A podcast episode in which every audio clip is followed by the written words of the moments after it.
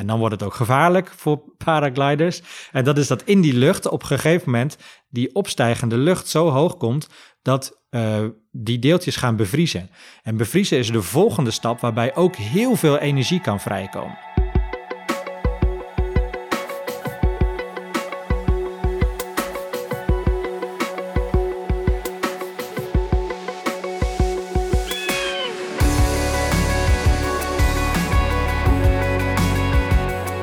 Hi, leuk dat je luistert naar Vliegpraat, de podcast waar het alleen maar gaat over paragliden en alles wat daarbij komt kijken, zoals meteorologie. Mijn naam is Harro Brouwer en deze aflevering gaat het voor de tweede keer over het weer. Met wetenschapper en NOS-weerman Peter Kuipers-Munneke. Welkom. Ja, daar ben ik weer. Wederom? Ja. Ja, de vorige keer dat ik jou sprak waren we nog niet helemaal uitgepraat. We beginnen weer met vijf korte vragen. En net als de vorige keer moeten dus andere vragen zijn. Um, jouw voorkeur, Bergen of relatief plat Nederland? Bergen. Toch? Oh, ik denk jij gaat, ja. jij gaat Nederland zeggen, dacht ik. Echt waar? Ja, ik weet niet waarom. Nee, nee ik, ik, ga voor Bergen, omdat... Uh, ja, altijd als ik, uh, als ik op vakantie ga, dan wil ik het liefst uh, iets met bergen. En dan ook waar je bovenop kan klimmen voor een mooi uitzicht. Wat ik denk dat, het, uh, op, ik ben, dat ik op zoek wil naar iets wat we hier niet hebben. Ja. ja, of je moet naar de heuvels gaan in, uh, in Zuid-Limburg. Nou ja, maar, en, maar dat is dan tegelijkertijd, weet je, dat zijn de mooiste wandelingen die je in Nederland kan maken. Bijvoorbeeld uh, naar de Stuwwallen van de, van, de, van de Veluwe of de Utrechtse Heuvelrug. Maar ik hou er dan heel erg van om naar het hoogste puntje te wandelen. Wat blijft jou verrassen als weerman? Um, toch, je denkt dat je alles al wel een keertje gezien en gehad hebt en alles al wel een keertje voorspeld. En dan is het toch weer anders. Uh, dus, dus eigenlijk ook wel een beetje hoe, hoe je eigen weersverwachting de volgende dag precies uitpakt. Dat, dat lijkt vaak heel erg op wat je de dag van tevoren hebt gezegd. Dus dat hoop ik.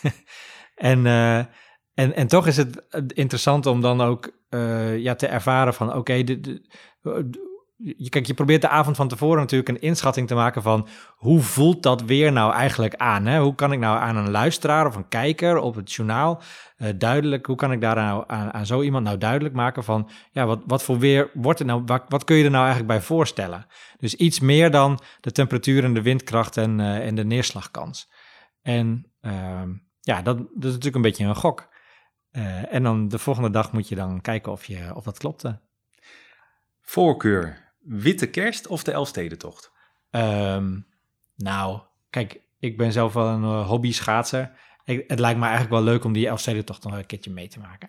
Welke weersverwachting heb je het meest uitgesproken, denk je?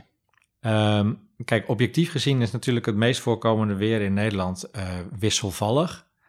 Um, maar dat is wel een term die ik zoveel mogelijk probeer te vermijden, omdat het zo'n containerbegrip is, wat je altijd kan zeggen als je als weerman echt niet meer weet wat voor weer het wordt. Dus, dus het gebeurt het vaakst, maar ik weet niet of ik het vaakst zo heb genoemd. In welk land zou je eens een dagje weerman willen zijn? Ja, in de Verenigde Staten, denk ik. Dat is uh, zeg maar de manier waarop uh, uh, meteorologie in de Verenigde Staten in beeld wordt gebracht, is totaal over de top. En er zijn zelfs hele 24 uur weerkanalen met het ene plaatje naar het andere. En ja, dat slaat natuurlijk eigenlijk helemaal nergens op, maar stiekem lijkt het me dan toch wel leuk om, uh, uh, om, om een keertje een dagje een Amerikaans weerman te zijn. Oké, okay, we gaan verder met het weer. Meteorologie. Wind en wolken willen we deze keer naar kijken. Beaufort, meter per seconde, kilometer per uur, knopen. Wij gebruiken ook al die termen, gek genoeg. Heel verwarrend. Bij, bij, het verwarrend, hè? Ja, dat is zeker verwarrend. Maar het is wel, het is in zekere zin wel verklaarbaar, denk ik. Zeker het jargon van een luchtsporter. Omdat, uh, kijk, je bent natuurlijk zelf uh, eigenlijk een luchtdeeltje op het moment dat je zelf in de lucht hangt. Je beweegt mee met de luchtdeeltjes. En uh, de stijgsnelheid is van zo'n orde van grootte dat het handig is om in meter per seconde te rekenen. Omdat je weet, oké, als ik nu 30 seconden kan stijgen met 3 meter per seconde, dan ben ik 90 meter omhoog gegaan. Dus dat, dat rekent gewoon heel makkelijk. En die kilometers per uur, uh, dat ik denk dat, zeg maar, in, voor de horizontale snelheid, ik denk dat dat heel prettig is, omdat het je een houvast geeft in hoe snel je nou eigenlijk gaat ten opzichte van een wandel- of een fietstempo.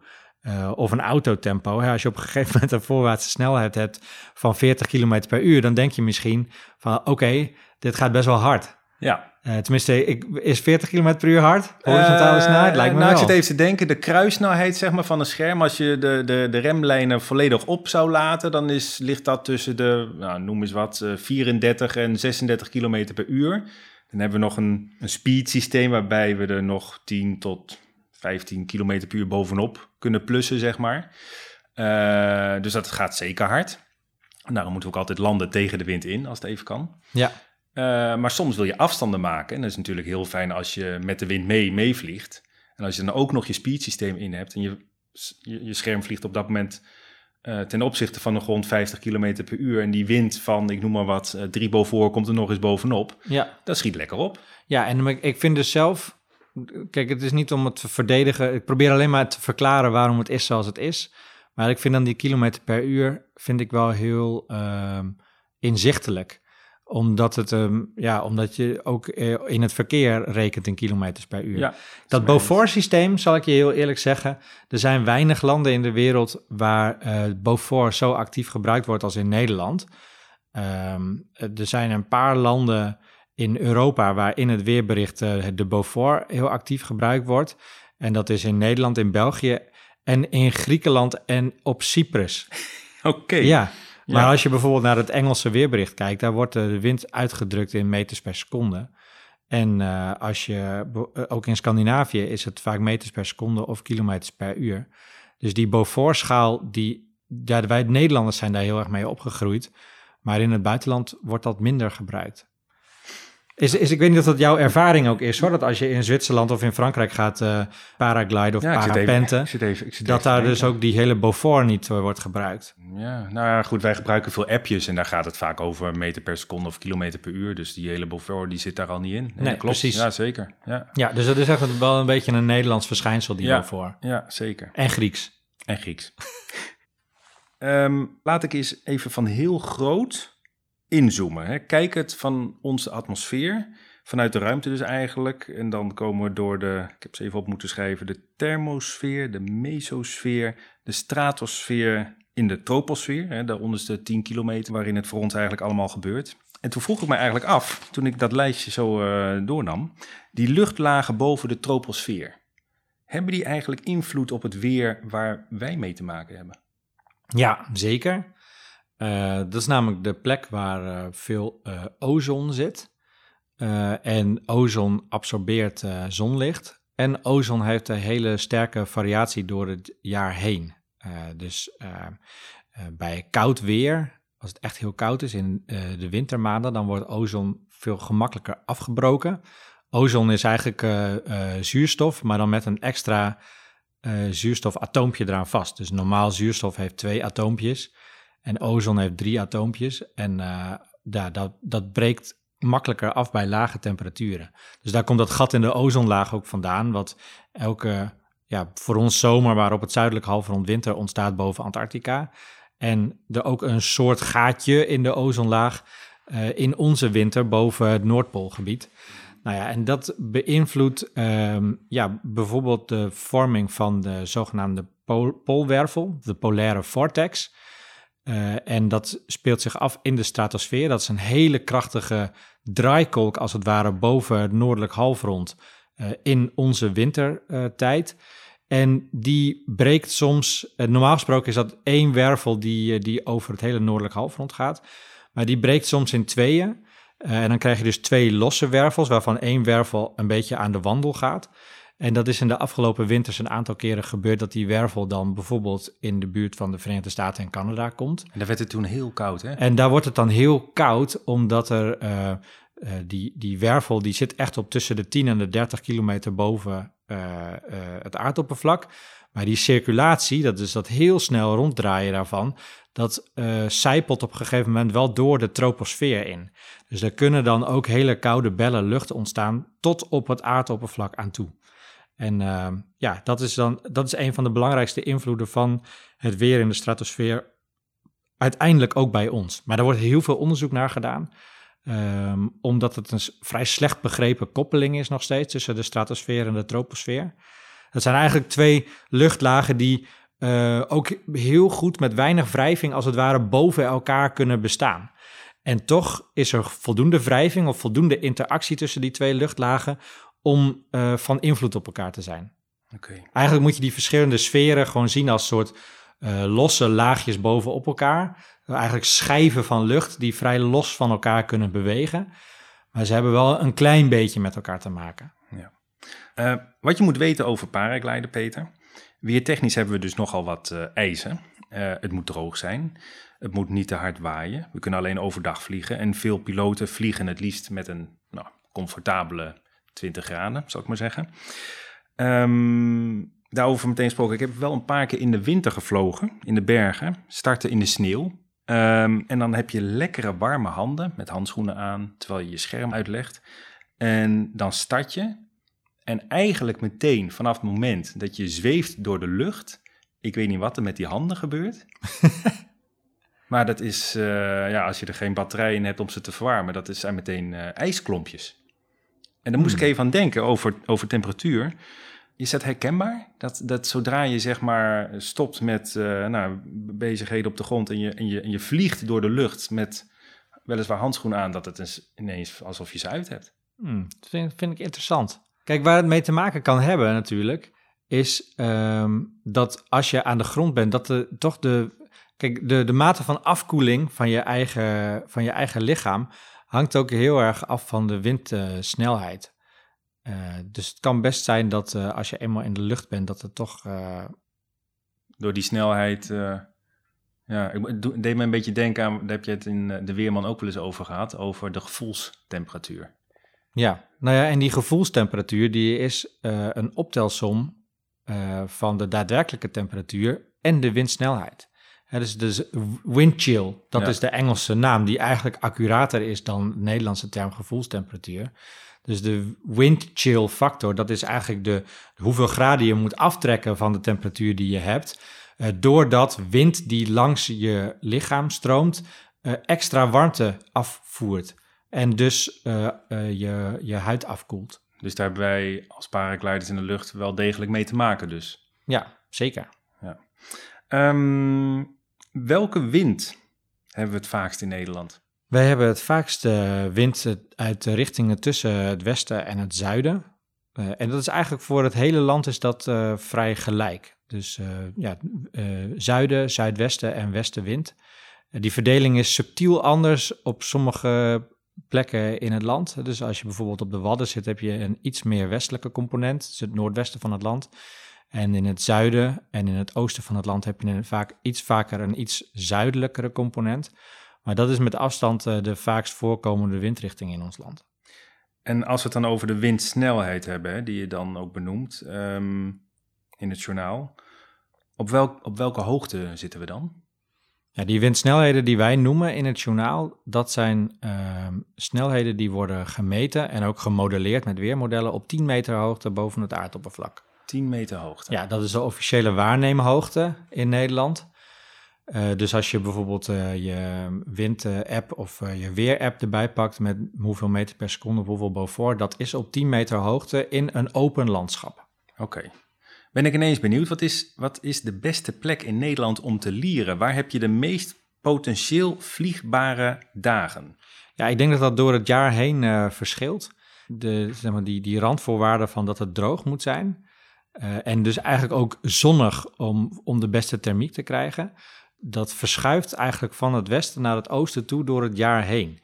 Dus in het voorjaar is het zo dat uh, het zonnigste weer heb je in het westen van het land, dus aan de kust. Dus in het voorjaar is de, zon, uh, is de kust veel en veel zonniger dan het binnenland. En die zon die houdt eigenlijk de thermiek op gang. Eigenlijk is een schaduw. Als je, als paraglider moet je de schaduw eigenlijk een beetje proberen te vermijden. Want dat zijn de plekken we, uh, uh, ja, waar op een gegeven moment de thermiek vrij snel ophoudt. Omdat de zon is nou eenmaal de aandrijfkracht van die thermiek.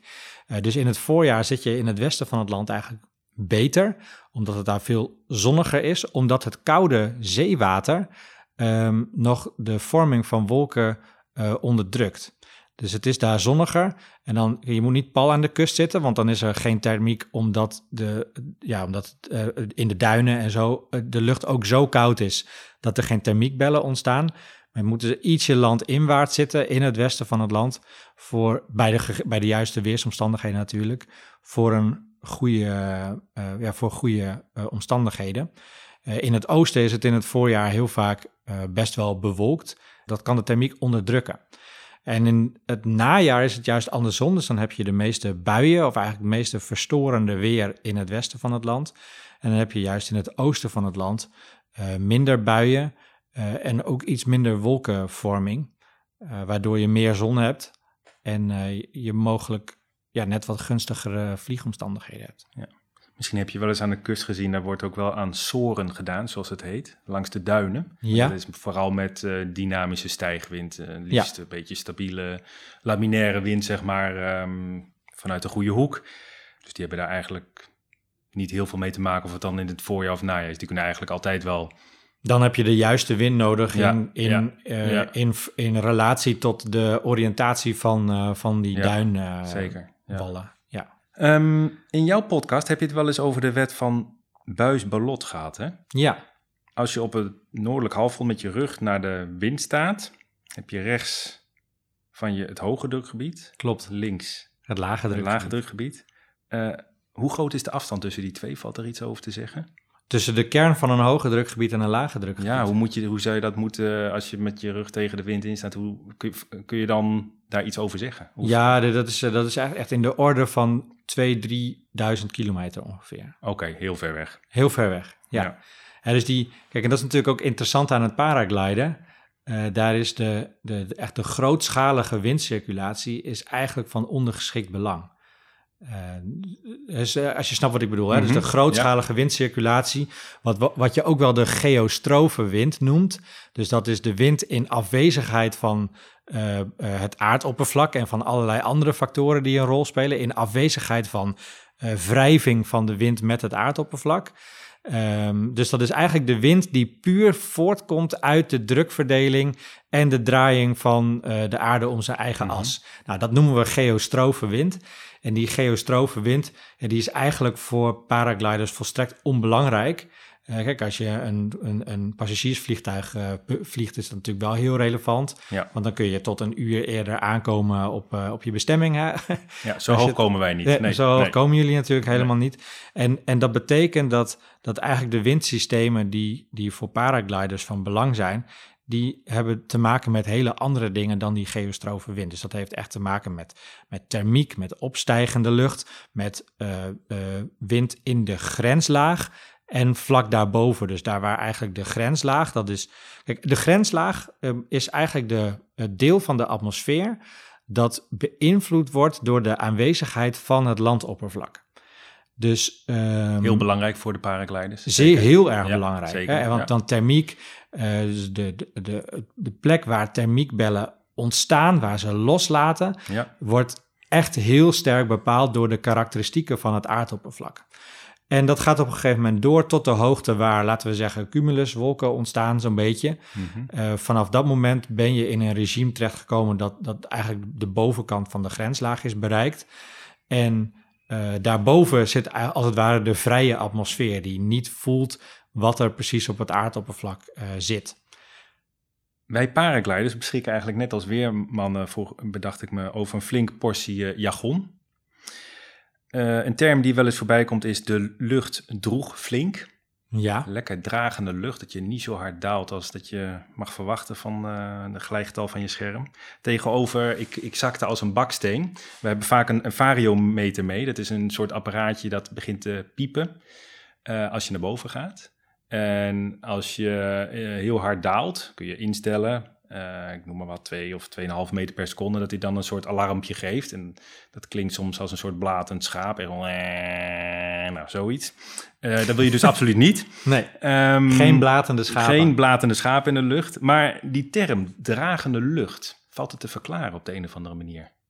Ja, ja. Nou, dat, kan, kijk, dat, dat kan met verschillende zaken te maken hebben, denk ik. En daar is dan stiekem die grootschalige circulatie wel weer heel interessant. Hè? Dus die, die lage en die hoge drukgebieden. Het is namelijk zo dat bij een hoge drukgebied is de, de achtergrondbeweging van de lucht is dalend. En in een lage drukgebied is de achtergrondbeweging van de lucht is stijgend. dus, het, dus eigenlijk de, als je een nulmeting doet, dus even los van de thermiek, uh, een lage drukgebied is eigenlijk een draaikolk. En die draaikolk die wordt, uh, die, is, die is boven in de atmosfeer, is die breed. En richting het aardoppervlak toe wordt die wat smaller. He, dus eigenlijk hoe een draaikolkje, als je in je eigen glas er ook uitziet, die loopt een beetje taps toe naar beneden toe. En dat taps toelopen, dat betekent dat de lucht als het ware bij elkaar geperst wordt richting het midden van het lage drukgebied. En in het lage drukgebied zelf, uh, als compensatie daarvoor, heb je een stijgende luchtbeweging. Dus in een lage drukgebied heb je in de kern van een lage drukgebied heb je een stijgende luchtbeweging. En in een hoge drukgebied heb je in de kern van het hoge drukgebied juist een dalende luchtbeweging. Dat noemen we overigens subsidentie. Dat is weer een term die je misschien ook wel ja. klok, klepel enzovoort enzovoort. Ja, zou ik moeten kennen. Nou ja, en dus daar is sprake van een gemiddeld dalende luchtbeweging. Dus het kan wel zijn dat als je um, zeg maar thermiek hebt in een ja, licht lage druksysteem, waarbij de wind dus niet al te krachtig mag zijn, uh, dat daardoor, dat, daar, dat de, als het ware de achtergrondstijging van, van, dat kan een halve meter per seconde zijn of zo, jou net helpt om wat langzamer te dalen dan wat het glijgetal van je scherm jou aangeeft. En als je daarin dus ook nog thermiekbellen hebt, ja. dan ga je dus echt gewoon lekker naar boven dan kun je echt naar boven, ja. Dus dan, dus dan dus die, die achtergrondstroming, die kan je net iets mee helpen of iets tegenwerken. Ja. ja. Um, valwind, moeten we het ook over hebben. Uh, voor ons is dat echt een vervelend weersfenomeen. Ja, valwind, um, de, de, laat ik zo zeggen, de valwind kan twee oorzaken hebben. Ik denk dat de valwind uh, kan een dynamische oorzaak hebben. Dus bijvoorbeeld dat er tussen een, uh, een gat in de bergen, als het ware een luchtstroom door een gat in de bergen waait en, en daalt. Mm Of nou, als het ware naar beneden gedrukt of geforceerd wordt. Mhm. dat kan een valwind veroorzaken. En een andere oorzaak van een valwind heeft, kan te maken hebben met temperatuurverschillen. Uh, de valwind die ik ken als gletsjeronderzoeker, want dat ben ik behalve dat ik weerman ben ook, um, die valwind die ontstaat doordat de lucht ehm, boven een gletsjer, ehm, die is relatief een stuk kouder dan zijn omgeving. Omdat een gletsjer zelf nooit warmer kan worden dan 0 graden. Want als het ijs eenmaal 0 graden is in de zomer, dan gaat het smelten, maar het zal nooit warmer worden dan 0 graden. Dus de luchtlaag vlak boven een gletsjer, die is in de orde van 0, 1, 2, 3 graden, zoiets. Terwijl op dezelfde hoogte, maar dan een paar kilometer verderop, uh, kan de lucht wel 10, 20 graden worden. Dus uh, die lucht vlak boven een gletsjer is eigenlijk kouder en dus zwaarder dan uh, in zijn omgeving. En dus gaat die dalen. En daardoor heb je in de zomer boven gletsjeroppervlakken en ook hoog in de bergen uh, bij witte oppervlakken, sneeuwoppervlakken, uh, gletsjeroppervlakken, altijd een dalende luchtbeweging.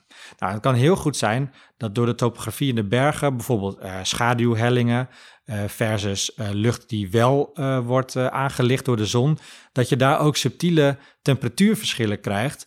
En die temperatuurverschillen die geven dus aanleiding tot ja, zwaardere lucht die als het ware onder de lichtere lucht doorzakt.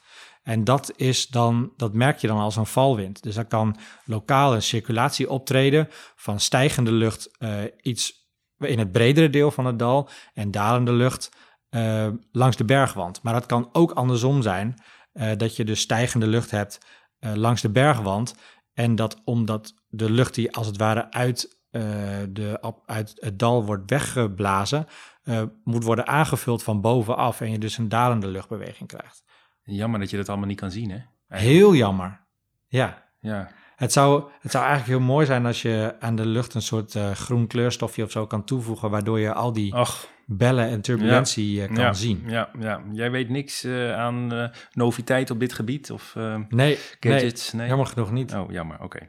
Okay. de landing, ja, ook belangrijk natuurlijk. En dan hebben we te maken met de windgradient. Ja. Heb jij het ook wel eens over gehad, volgens mij, bij de Weerman, of niet? Nou, dat heeft te maken met, met de... Kijk, de, de, de, de lucht stroomt, um, maar helemaal op de grond, dus zeg maar op nul meter, daar staat de lucht stil. Altijd? Ja, dat is per definitie is de windsnelheid echt gewoon als je uh, echt op een centimeter boven het, het aardoppervlak gaat meten, Ja. daar is de wind nul. Eh, en, daar, en op twee meter hoogte voel je de wind al. En op 10 meter hoogte waait het nog harder. En op 100 meter hoogte waait het nog harder.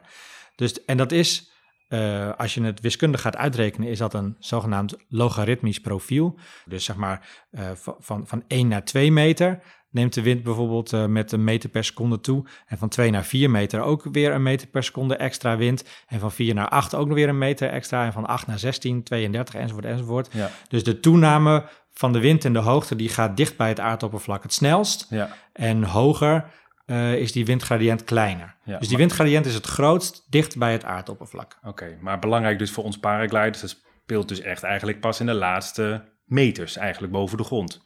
10, nou ja, daar wordt het 20 dus meter. steeds belangrijker. Ja. ja, Ja, dat ja, klopt. Die, die windsnelheid die, die zakt heel langzaam eh, in, of die zakt heel snel in naarmate je dichter bij het aardoppervlak komt. ja. En dat is wel zo dat dichter bij het aardoppervlak eh, is het wel zo dat juist door de wrijving van de luchtstroom met het aardoppervlak ehm, wordt de wind wel veel vlageriger. Eh, dus het is eigenlijk een beetje, dus de- je kunt het zo zien dat het aardoppervlak, dat die lucht daar overheen schuurt als het ware, eh, zorgt voor eh, Turbulentie? Ja, turbulentie. Eh, en in sommige delen van, van die turbulentie eh, gaat de wind juist harder en juist zachter. Dus dat is iets wat wij kennen als eh, ja, vlagerigheid.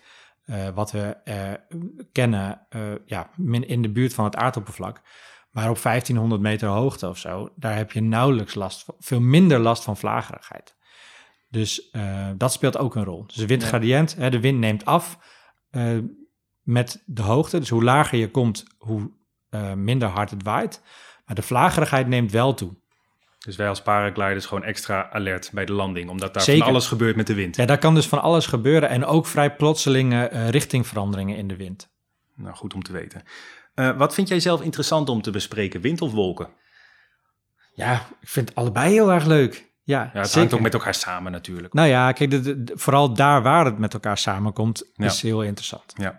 Ehm, want welke wolkensoort komt het meest voor in Nederland eigenlijk? Eh, stratocumulus is de meest voorkomende wolk. Dus dat is, eh, kijk, wa- wat je eigenlijk wil is in thermische omstandigheden heb je de echte cumulus, dus de losstaande stapelwolk. Eh, maar heel vaak wordt die stapelwolk is vrij uitgesmeerd en dan is het een min of meer ja, egaal dek, ofwel met gaten ertussen, dat kan ook. Maar dat is stratocumulus en dat is de wolkensoort die we in Nederland het vaakste hebben. Er zijn ook wolken die geven aan dat er een weersverandering op komst is. Hè? Ja, Bijvoorbeeld die windveren die je wel eens ziet op 6, 7, 8 kilometer hoogte. Met Ja. die mooie krullen erin. Ja, zeker. Dat kan met krullen zijn, maar dat kan ook hele egale cirrusbewolking zijn. Dus hele hoge bewolking op eh, tussen de 8 en de 10 kilometer hoogte. Die bestaat uit ijskristalletjes. Eh, dat is heel vaak, betekent dat de nadering van een warmtefront. Eh, dus dat eh, langzaam er steeds warmere lucht in aantocht is. Die botst met de relatief minder warme lucht die zich op dat moment in eh, eh, het land bevindt. En een warmtefront wordt altijd gekarakteriseerd door vrij lichte neerslag. En dat heeft ermee te maken dat, kijk, je hebt een lucht van een bepaalde temperatuur, laten we zeggen 15 graden of zo. En een warmtefront is lucht van 20 graden. Nou, die lucht van 20 graden die is lichter omdat die warmer is dan die lucht die er op dat moment is. En dat betekent dat die op die luchtlaag er overheen moet gaan glijden. En daarmee heeft hij de zwaartekracht als het ware tegen. Dus wat er gebeurt is opglijding van lucht, eh, waardoor er heel langzaam eh, die, dat op een gegeven moment gaat condenseren. En het eerste wat je ziet is condensatie in de hoogste luchtlagen, dus dat is cirrus. Nou, op een gegeven moment krijg je ook condensatie in de middelhoge luchtlagen, dus tussen de 4 en de 8 kilometer hoogte zo'n beetje. Nou, dat is bijvoorbeeld altostratus. Dat is een beetje van die melkwittige bewolking waar de zon steeds minder goed door te zien is. Eh, en op een gegeven moment dan wordt dat steeds lager, krijg je stratusbewolking en dan gaat het op een gegeven moment eh, regenen. Eh, dus dat is, dus, dus zie je op een gegeven moment de lucht steeds wat wittiger worden en de, de cirrusbewolking toenemen. En dan kun je daaraan zien dat langzaam het weer ehm, verandert en verslechtert. De meest beruchte wolk is wel de CB, hè? de cumulonimbus. Zeker. Wanneer ontstaat die? Die zie je soms ook van tevoren al aankomen trouwens in de ochtend. Je hebt uh, bijvoorbeeld uh, Castellanuswolken. Dat zijn vrij hoge uh, wolkjes die je vooral in de zomer ziet, waar al een soort van torentjes op zitten. Zoals een, zo'n, zo'n kasteelmuur uit de middeleeuwen met van die kantelen erop. En dat is eigenlijk een soort voorbode van instabiliteit die in hogere luchtlagen dan al aanwezig is en zich vertaalt naar lagere luchtlagen, waardoor er in de loop van de dag uh, cumulonimbus kan ontstaan. En dat kan heel snel gaan, hè? Dat kan heel snel gaan, zeker. Dat zijn thermiekbellen die zo heftig worden dat je er uh, bij vandaan wil blijven. Dus je kunt te veel thermiek hebben. En dat is het moment waarop de opbouw van de atmosfeer zo instabiel wordt dat een warme bel lucht helemaal doorschiet uh, tot, op het, tot boven het 0 graden niveau. Uh, en dat is, uh, ja, dat noemen we zeg maar, dat, dat, dat op een gegeven moment die luchtbel het ijs inschiet. En dan komt er bij die ijsvorming aan de bovenkant van zo'n cumulonimbus komt heel veel extra warmte vrij bij het bevriezen van vocht. En dus elke keer, kijk, je hebt drie fases hè, in van... Zo hoog ben ik nog nooit geweest. Nee, nee, nee, nee dat moet je ook niet doen. Maar uh, dat heeft wel een enorme aanzuigende werking ook aan de onderkant van cumulonimbus. Dus ik ga het je heel kort even uitleggen. Kijk, je hebt drie soorten water. Hè? Je hebt waterdamp, dat is de gasvorm. Je hebt waterdruppeltjes, dat is de vloeibare vorm. En je hebt hagel, uh, en sneeuw ook. En dat is de vaste vorm, dus dat zijn ijsdeeltjes. En elke keer als je van waterdamp naar water gaat of van water naar uh, hagel, dan dat is een faseovergang en daarbij komt heel veel energie vrij. Daar hebben we het in de vorige aflevering over gehad. Dat is die nat adiabaat. Dus elke keer bij, bij condensatie, dus bij wolkenvorming, uh, vindt er uh, uh, relatieve opwarming van die lucht plaats door het condensatieproces. Dus de energie die vrijkomt bij het condenseren, ja, dat wordt aan het luchtpakketje toegevoegd, waardoor thermiek in een nat adiabaat langer kan bestaan. Nou, dat kun je dus nog een stapje verder voeren en dan zit je echt in een cumulonimbus. En dan wordt het ook gevaarlijk voor paragliders. en dat is dat in die lucht op een gegeven moment die opstijgende lucht zo hoog komt dat uh, die deeltjes gaan bevriezen. En bevriezen is de volgende stap waarbij ook heel veel energie kan vrijkomen. En die energie die gaat hem echt zitten in het verder aanjagen van die verticale luchtstroom, in die cumulonimbus. En daardoor wordt er aan de onderkant ook lucht aangezogen en dat kan echt stijgsnelheden bereiken uh, ja, die hoger zijn dan de horizontale windsnelheden. Dus dat kan echt tot 20, 30 meter per seconde gaan. Uh, ja, en dat is iets waar je uh, heel ver van weg wil blijven. En die aanzuigende werking rondom een cumulonimbus, die kan echt heel groot zijn. En ook bijvoorbeeld voor uh, luchtballonnen, tot op kilometers afstand, tientallen kilometers afstand van een cumulonimbus, echt een heel verstorend effect hebben op de, ja, op de baan die je eigenlijk als luchtvaarder zou willen afleggen. Echt super interessant dat je dit nu vertelt, want ik heb één ervaring dat ik in een dal op een namiddag, een warme dag in Frankrijk, eigenlijk veel harder naar boven ging dan ik zou mogen verwachten. Uh, het, het, klopte gewoon niet. En toen waren we met een aantal paragliders in de lucht. En op een gegeven moment komt er echt een, een, soort zwarte wolk om de hoek van een hele hoge bergtop aanzetten. Ja. En die was gewoon aan het aanzuigen. Ja. En twintig minuten later was het uh, hoosbui, onweer. Ja onbegrijpelijk, zo snel als dat ging. Ja, en dat aanzuigen, dat vindt dus eigenlijk plaats uh, in de kern van zo'n cumulonimbus. Daar komt heel veel energie vrij bij, het, uh, bij die faseovergang van vloeibaar naar vast, dus naar het bevriezen van waterdruppels als het ware. En door die, die stijgstroom, ja, dat, dat werkt gewoon echt als een stofzuiger, uh, die, die vanuit de wijde omgeving lucht die wolk inzuigt. Met deze megawolk, Peter, sluiten we af. Dank je wel voor al je uitleg. Um, ik denk dat we een heel stuk wijzer weer zijn geworden op het gebied van meteorologie. Zo'n belangrijk onderdeel in deze sport. Uh, dank je wel. Graag gedaan. Ik vond het een leuk gesprek. Tot zover deze tweede aflevering over meteorologie van Paragliding Vliegpraat. Je hoorde NOS-weerman en wetenschapper Peter Kuipers-Munneke.